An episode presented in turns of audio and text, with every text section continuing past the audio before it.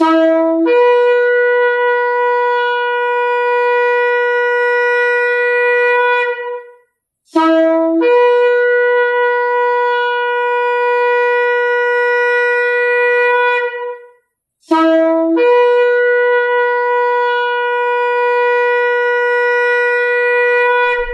RPK yang dikasih Tuhan di mana pun Anda berada. Shalom Beshem Yesua Hamasiah, salam sejahtera dalam nama Yesua Hamasiah, dalam nama Tuhan Yesus Kristus, Juru Selamat kita. Selamat mengikuti siaran Tekiah, telaah kata Ibrani Alkitabiah, bersama Gembala Benyamin Obadiah, Ketua GKMI, Gereja Kehilat Mesianik Indonesia. Tekiah adalah cara peniupan shofar seperti yang didengar tadi.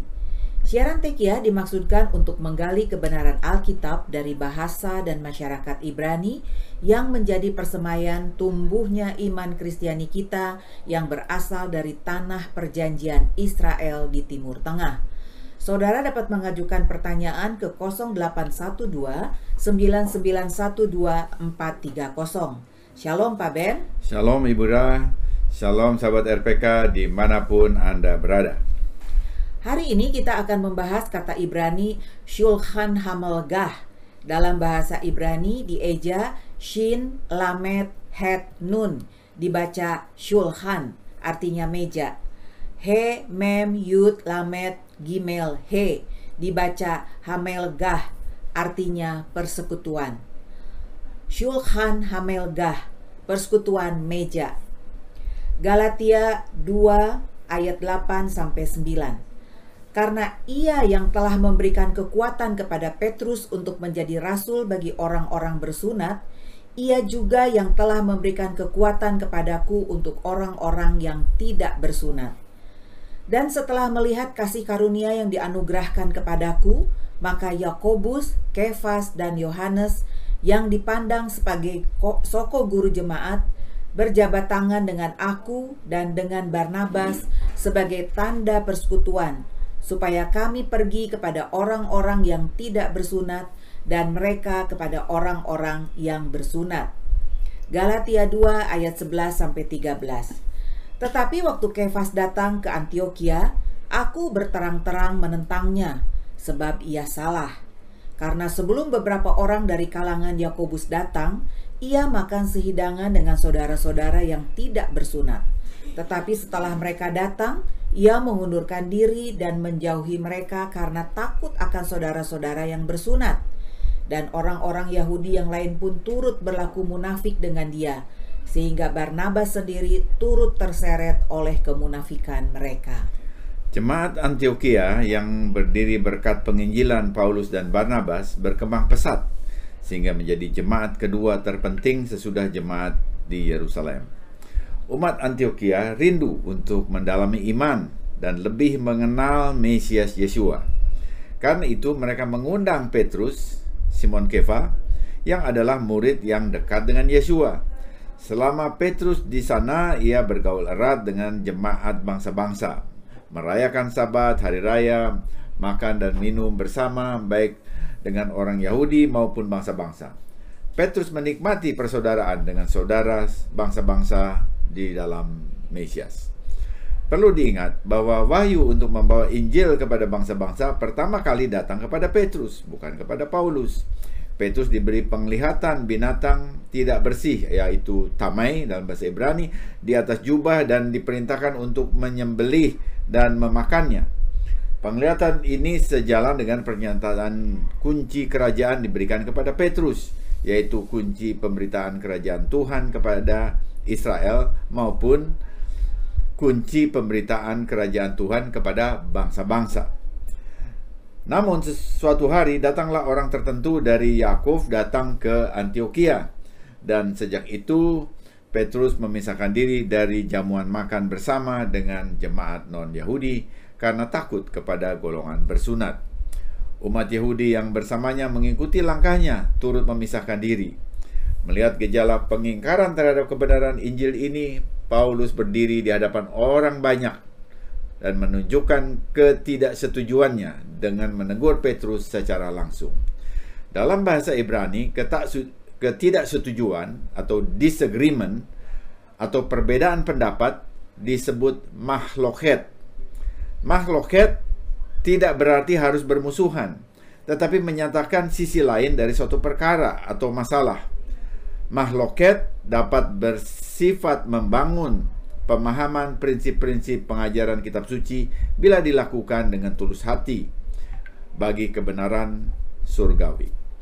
Di lingkungan Judaisme, mahloket yang terkenal adalah mahloket antara Rabi Hillel dan Rabi Shammai. Keduanya dihormati sampai sekarang.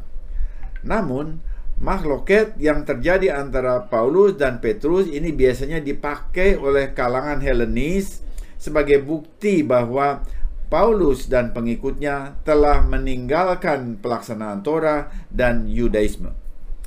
Ketika Paulus melihat Petrus melakukan sesuatu aspek Torah misalnya, hanya mau makan dengan sesama Yahudi, dengan memisahkan diri dari jamuan makan bersama dengan orang non-Yahudi, ia menegurnya karena hal itu merupakan tindakan kembali ke Torah tertulis dan Yudaisme.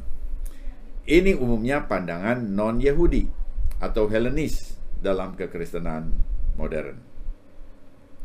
Tetapi isu yang sesungguhnya bukanlah Torah tertulis, melainkan aturan rabinik yaitu disebut Torah lisan tentang makanan uh, atau makan bersama atau memecah roti yang disebut dengan sulhan hamelgah, table fellowship atau persekutuan meja yang merupakan halakha atau tafsir rabinik dalam pelaksanaan Torah.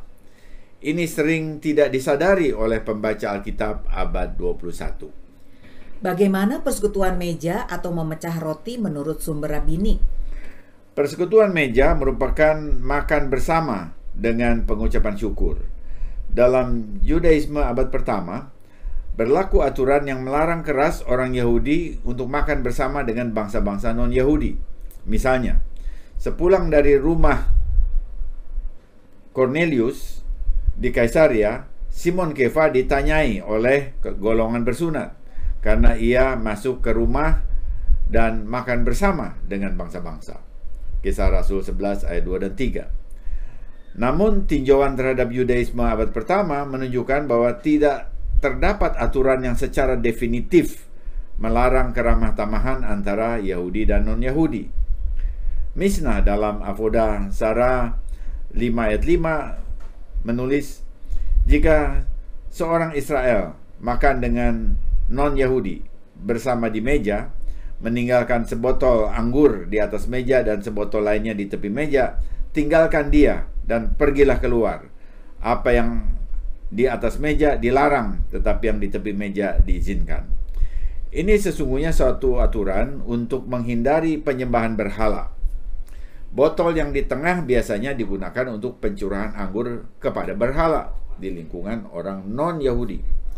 Namun ada indikasi makan bersama tetap dibolehkan. Tetapi ada juga pendapat yang berbeda.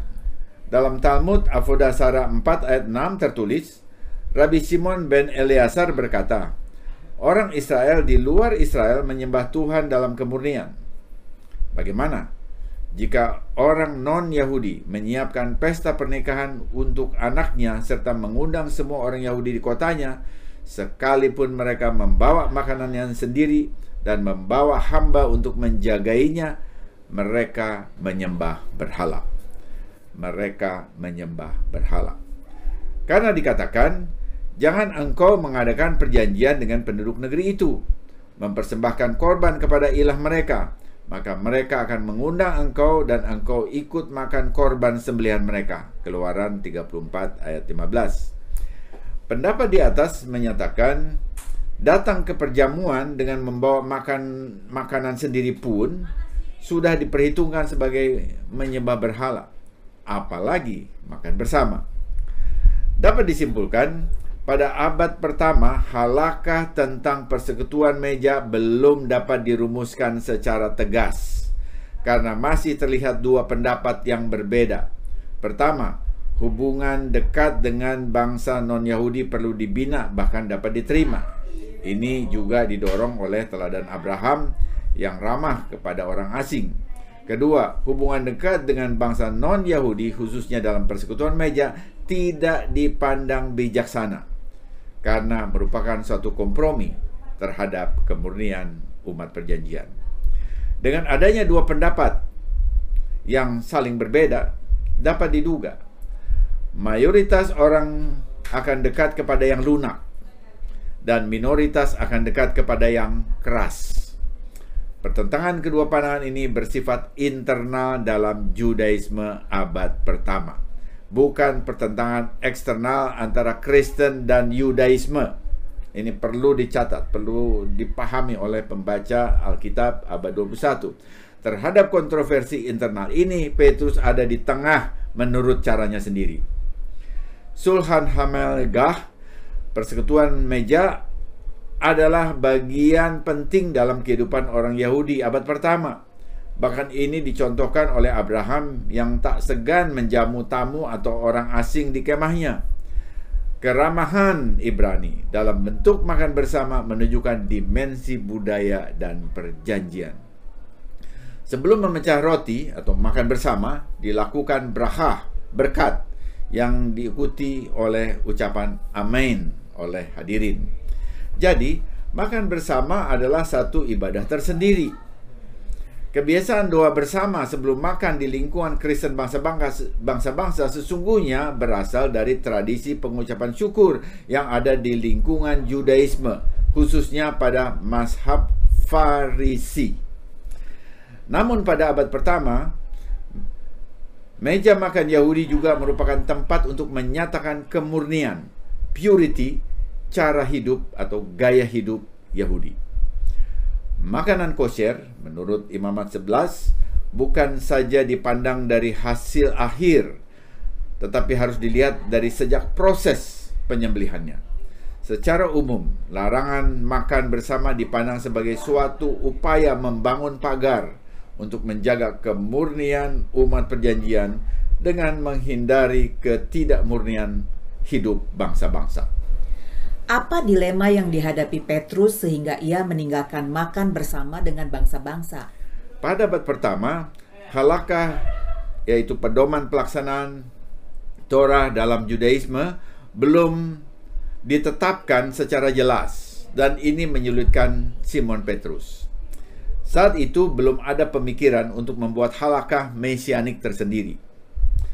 Saat kelompok minoritas penekan tidak ada, Petrus condong ke halakah kelompok mayoritas yang lebih lunak terhadap makan bersama dengan bangsa-bangsa.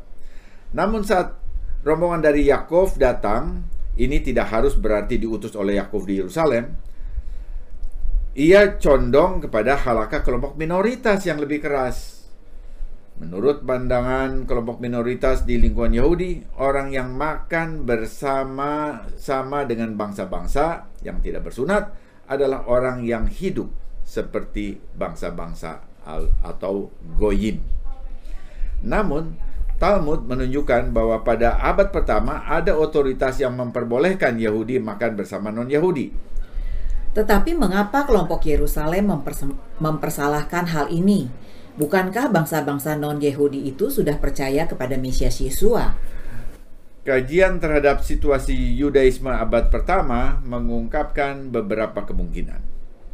Pertama, kunjungan rombongan Yerusalem terkait dengan penerimaan non-Yahudi oleh komunitas Yahudi. Pada saat itu, keyakinan yang berlaku di lingkungan kaum bersunat adalah non-Yahudi tidak dapat berperan di dalam lingkungan Yahudi tanpa menjadi Yahudi secara penuh atau disebut proslit. Yang kedua, saat itu dirasakan adanya gejala pengikisan identitas Yahudi, sehingga penyetaraan non-Yahudi dan Yahudi dipandang sebagai ancaman terhadap identitas keyahudian. Jadi kekhawatiran Petrus terhadap kaum bersunat lebih bersifat sosiopolitis daripada teologis. Ini perlu ia ia perlu menjaga hubungan dengan orang-orang yang ia layani. Yang ketiga, Petrus ada dalam posisi serba salah karena ia dalam kesepakatan dengan Paulus di Yerusalem adalah rasul kepada bangsa Yahudi. bersama soko guru lainnya.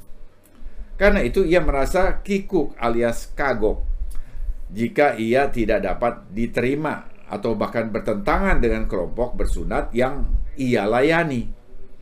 Ia khawatir akan pandangan orang Yahudi terhadap dirinya yang dapat menghambat pelayanannya kepada mereka. Akibatnya, Petrus memisahkan diri.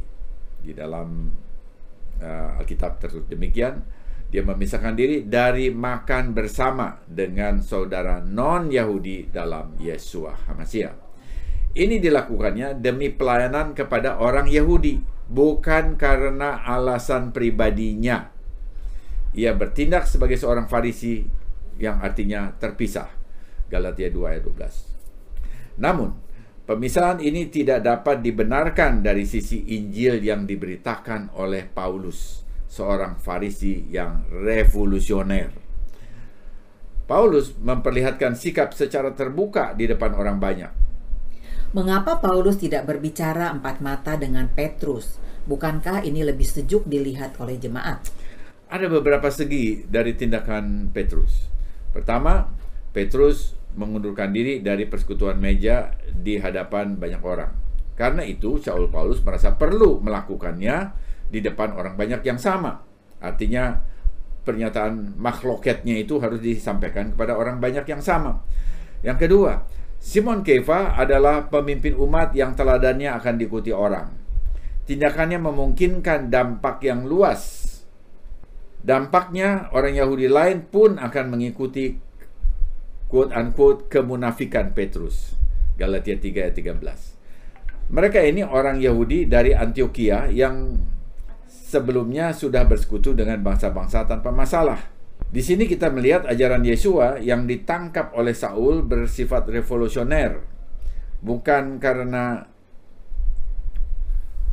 bukan karena sama sekali baru, tetapi karena mendobrak berbagai lapisan tradisi sehingga terkesan baru. Ajaran Yesua yang diteruskan Paulus menegaskan kembali bahwa adalah Torah yang merumuskan Israel dan bukan Israel yang merumuskan Torah. Yang ketiga, Shaul Paulus bukan bermaksud untuk menonjolkan diri di sini. Namun ia menunjukkan bahwa sebagai sesama rasul, ia menegaskan bahwa ia pun mendapat pelayanan yang tak boleh diusik sekalipun oleh sesama rasul. Peristiwa di Antioquia ini melibatkan bangsa-bangsa non-Yahudi yang baru menerima Injil Mesias. Pelayanan kepada bangsa non-Yahudi ini dipercayakan kepada Shaul Paulus. Karena itu Paulus sebagai rasul kepada bangsa-bangsa harus melindungi pertumbuhan iman orang non-Yahudi. Untuk itu ia bersikap tegas sekalipun pada sesama rasul. Tetapi mengapa Paulus menegur Petrus begitu keras sampai memakai kata munafik? Ya, di sini ada masalah terjemahan dari kata Yunani. Munafik dalam arti perbuatan menyembunyikan sesuatu atau bersandiwara dalam bahasa Yunani adalah hypokrites. Strong Concordance nomor 5272. Tetapi Paulus tidak memakai kata itu terhadap Petrus. Ia memakai kata Yunani sunopokrinomai Strong 4942 yang artinya bertindak tidak sungguh-sungguh. Mengapa demikian? Karena sebelumnya ia sudah makan bersama dengan orang non-Yahudi. Namun sesudah orang bersunat dari Yerusalem datang, ia pun mengundurkan diri. Petrus tidak menyembunyikan sesuatu. Sebaliknya, ia bertindak terbuka. Namun bagi Paulus yang melihat dari sisi penyebaran Injil kepada bangsa-bangsa, ini bertentangan dengan kebenaran Injil yang menawarkan keselamatan melalui iman dalam Mesias dan bukan dikaitkan pada etnisitas tertentu. Yesus mati bukan untuk membuat bangsa-bangsa menjadi Yahudi, tetapi juga bukan untuk menghapuskan identitas Yahudi, tetapi untuk membawa semua bangsa menerima berkat Abraham. Dan makan bersama dalam persekutuan meja merupakan ungkapan inti dari kebenaran Yahudi dan non-Yahudi menjadi satu dalam Mesias yang bangkit. Menyangkali penerimaan terhadap bangsa non-Yahudi sama dengan menyangkali perjanjian Abraham.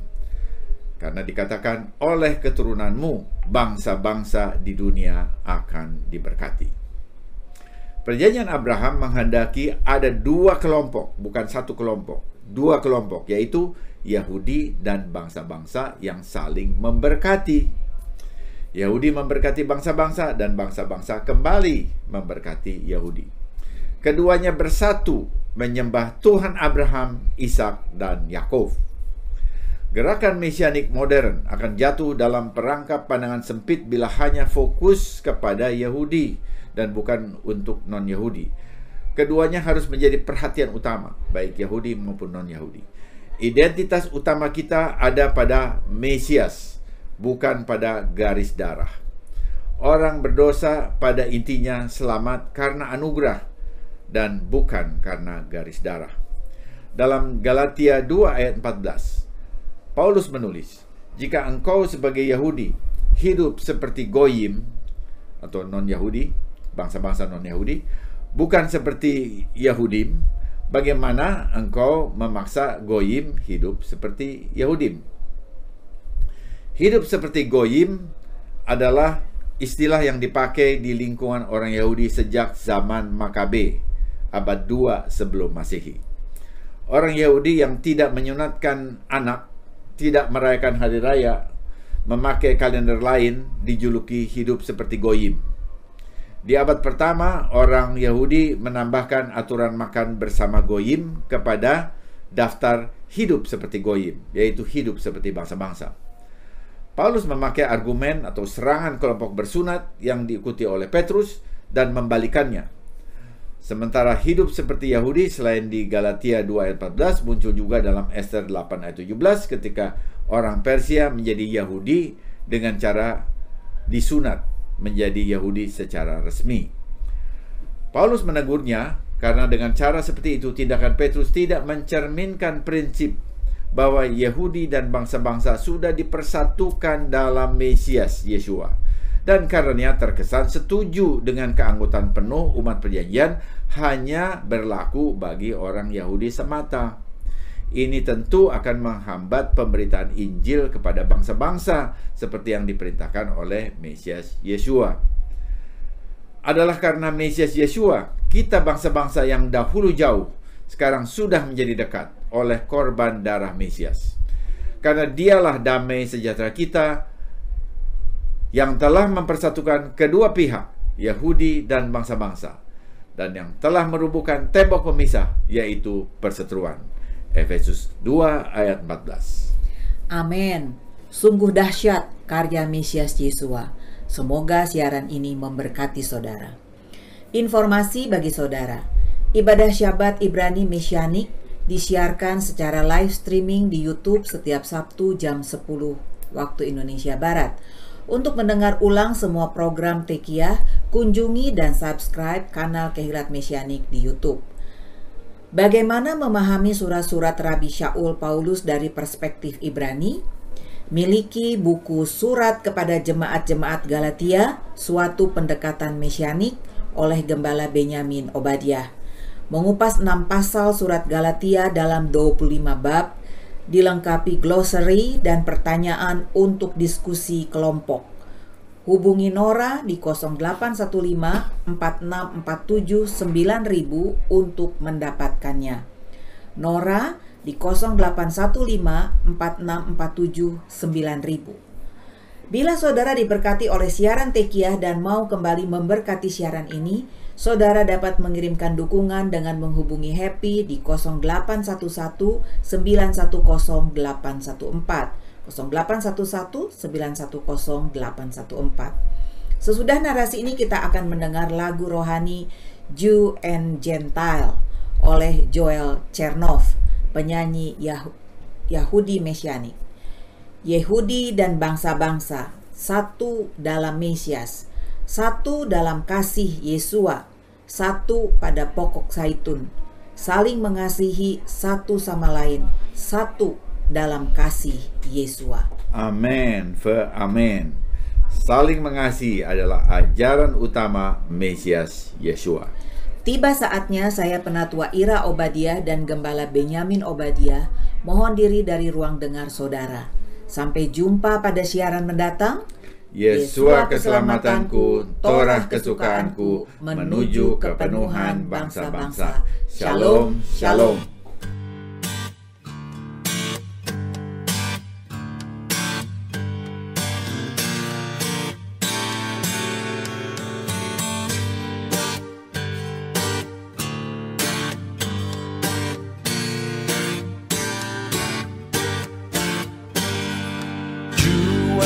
人才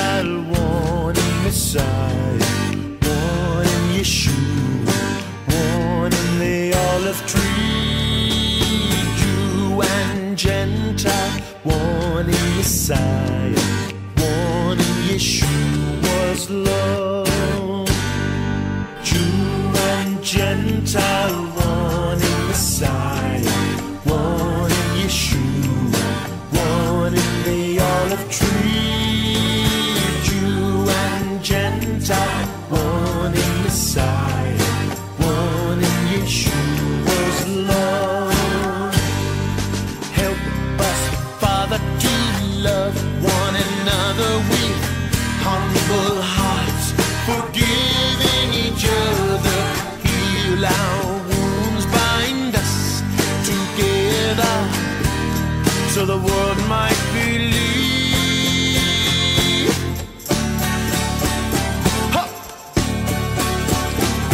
Jew and gentle.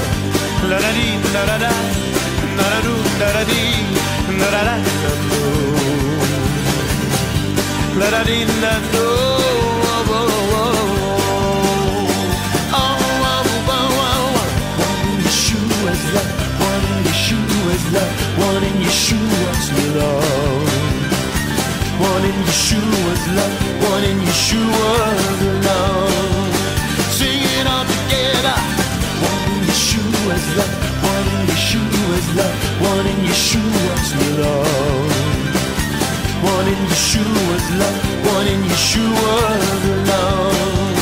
Oh, oh, oh, oh, one in Yeshua's love, one in Yeshua's love, one in Yeshua's love.